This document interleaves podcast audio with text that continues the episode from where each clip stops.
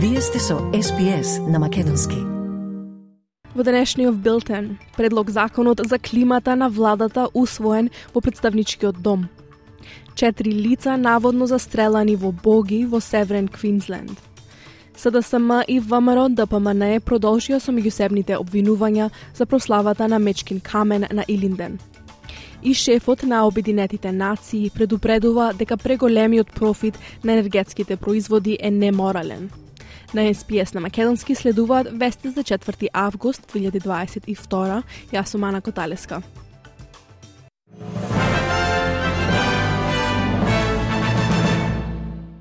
Представничкиот дом го усвои предлог законот на владата за климатските промени со 89 гласа за и 55 против со неколку амандмани. Лабористичката партија се согласи да зајакне дел од формулацијата на законот околу одговорноста, транспарентноста и амбициите. Но парламентот ги отфрли амандманите од лидерот на Зелените, Адам Бант, и независниот пратеник Андрю Уилки за зголемување на процентуалната цел. Предлог законот ја зголемува целта за намалување на емисиите на Австралија за 43% до 2030 година и ќе обезбеди поголема сигурност за бизнисите и индустријата во однос на повеќе инвестиции во обновлива енергија. Предлог законот сека ќе оди во Сенатот, каде најверојатно ќе биде усвоен, бидејќи Зелената партија се обврза да гласа за, а независниот сенатор Дейвид Покок наведе дека тој може би ќе ја даде својата поддршка. Премиерот Албанезија ја критикуваше опозицијата која гласаше против предлог законот, велики дека тие се уште имаат можност да се предомислат, бидејќи австралиците го знаат влијанието на климатските промени. They have an opportunity when the legislation gets to the Senate to change their mind and to bring themselves into the 21st century and make themselves relevant to the debate which Australians who've been impacted by droughts and floods and bushfires know. The impact of climate change is real. We need a response which is real. The government is offering that, and uh, I'm pleased that it received the support of the House of Representatives. Во тек е националниот самит за безбедност во вода за 2022 година, кој им овозможува на лидерите во секторот да ги разгледуваат можностите за зајакнување на усогласувањето со австралиската стратегија за безбедност. На дводневниот национален самит, истражувачите за безбедност, креаторите на политики и практичарите ќе разговараат за подобри начини да се промовираат пораките за безбедност за луѓето од мултикултурно потекло – Извршниот директор на Surf Life Saving Австралија, Justin Scar, вели дека ресурси и информации се достапни на различни јазици, а тие се посебно значајни пред почетокот на летната сезона. So water safety organisations have uh, lifted their game in, in recent years. We've certainly transitioned from translating materials into other languages to working actively with community members to, to build and design campaigns, whether that's in local languages but also in uh, culturally appropriate ways. Новите податоци објавени од Бирото за статистика и истражување на криминал во Нофишен Велс покажуваат зголемување на бројот на возрастни домородни австралици во притвор ни затворите во државата. Во јуни 2022 година 12.336 возрастни лица беа во притвор во државата, што е 1000 луѓе помалку од пред 3 години, пред почетокот на пандемијата. Но иако стапката на луѓе во притвор останува ниска, застапеноста на домородните луѓе порасна за 3,4 одсто, односно за 117 лица во последните три месеци. Извршната директорка на бирото, Джаки Фицджералд, вели дека овие податоци се во спротивност со заложбата за затворање на јазот, која има за цел да ја намали застапеноста на абориджините во системот за најмалку 15 одсто до 2031 година. So it's becoming clear that the COVID related fall in prisoner numbers has been short lived for Aboriginal people.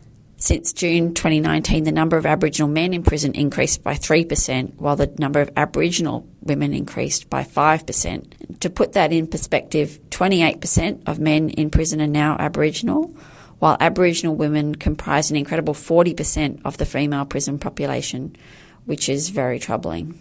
Европската агенција за лекови препорача Novavax да ги предупреди корисниците дека вакцината против коронавирусот на компанијата може да предизвика два типа на воспаление на срцето. Агенцијата задолжена за евалуација и надзор на медицинските производи вели дека срцевите заболувања треба да бидат наведени како можни несакани ефекти, како дел од информациите за вакцината. Novavax вели дека клиничните испитувања не покажале потреба за загриженост во однос на срцеви воспаленија. За власта во Македонија најголемиот државен празник Илинден помина масовно и гордо, а за опозицијата тоа било партизирана прослава каде биле присутни само партиски активисти на СДСМ. Од ВМРО ДПМН обвинија и за наводна полициска бруталност на прославата, поради како што велат стравот на премиерот Димитар Ковачевски од граѓаните кога ќе дојдат на власт, уверуваат дека на прославата ќе може да присуствуваат сите граѓани, а не само партиски активисти на владеачката СДСМ. Портпаролот Димче Арсовски на прес изјави. Можевме сите да забележиме како а, самиот Ковачевски, самата а, влада, односно владини представници кои што беа таму, на кој начин беа истретирани од граѓаните, односно како беа исвиркани, Ковачевски и СДСМ се плашат од граѓаните.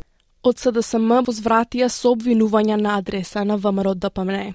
Партијата на Мицкоски нема основно чувство на државност и свесно погазиле по идеалите на Илинден да ја напуштат манифестацијата, кажа на прес портпаролката Богданка Кузеска.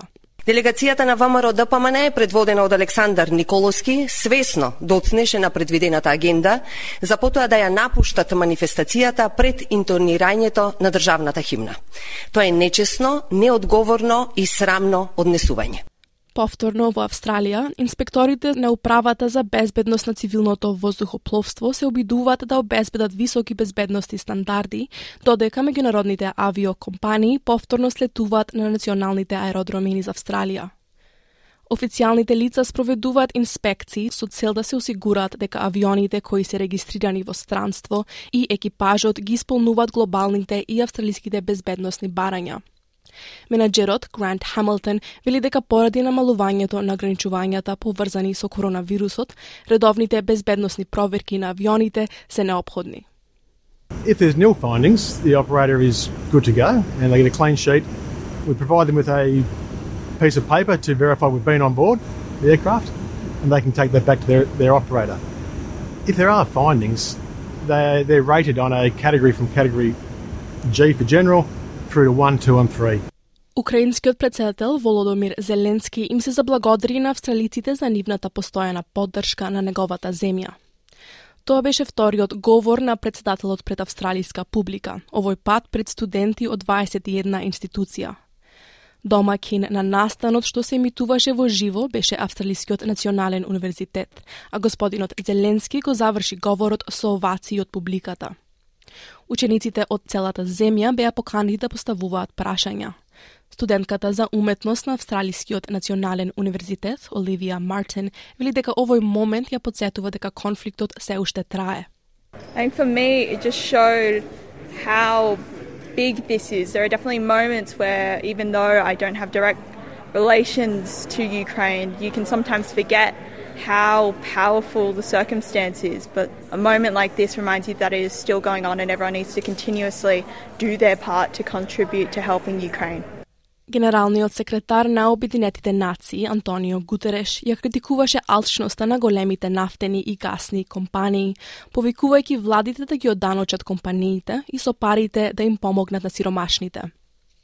Во говор во седиштето на Обединетите нации во Нью Йорк, господин Гутереш рече дека комбинираниот профит на најголемите енергетски компании во првиот квартал од оваа година изнесува околу 100 милиарди долари. Во својот говор, тој ги издвои нафтените компании ExxonMobil Group и Chevron Corp од Соединетите држави, британската компанија Shell и француската Total Energies, велики дека е неморално што компаниите остваруваат рекордни профити благодарение на оваа енергетска криза на грбот на најсиромашните.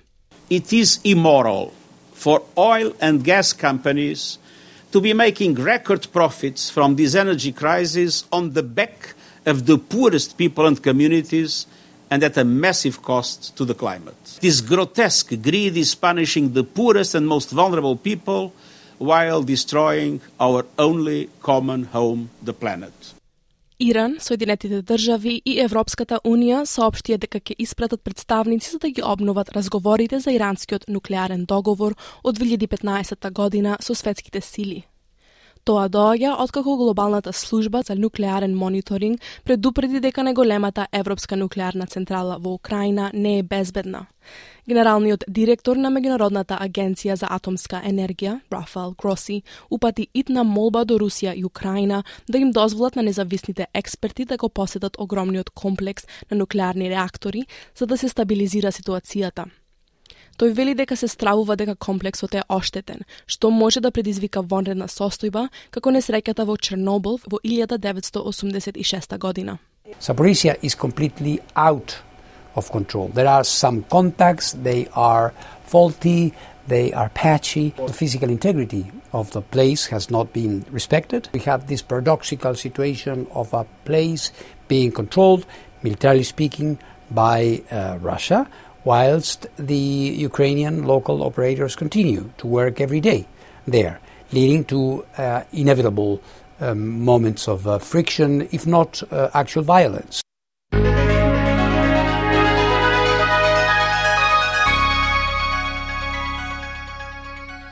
Од најновата курсна листа денеска еден австралиски долар се менува за 0,68 евра, 0,69 американски долари и 41,38 македонски денар додека еден американски долар се менува за 59,55 македонски денари, а едно евро за 60,86 македонски денари. И на кратко временската прогноза за главните градови за утре, петок 5 август, слаби повремени врнежи за Перт 16 степени, врнежливо за Аделаид 14, врнежливо и за Мелбурн 15 степени, краткотрајни слаби врнежи за Хобарт 15, 15 за Камбера, слаби повремени вржери, врнежи, сончево за Сиднеј 22, делумно облачно за Брисбен 27, претежно сончево за Дарвин 31 и сончево за Алис Спрингс со 21 степен.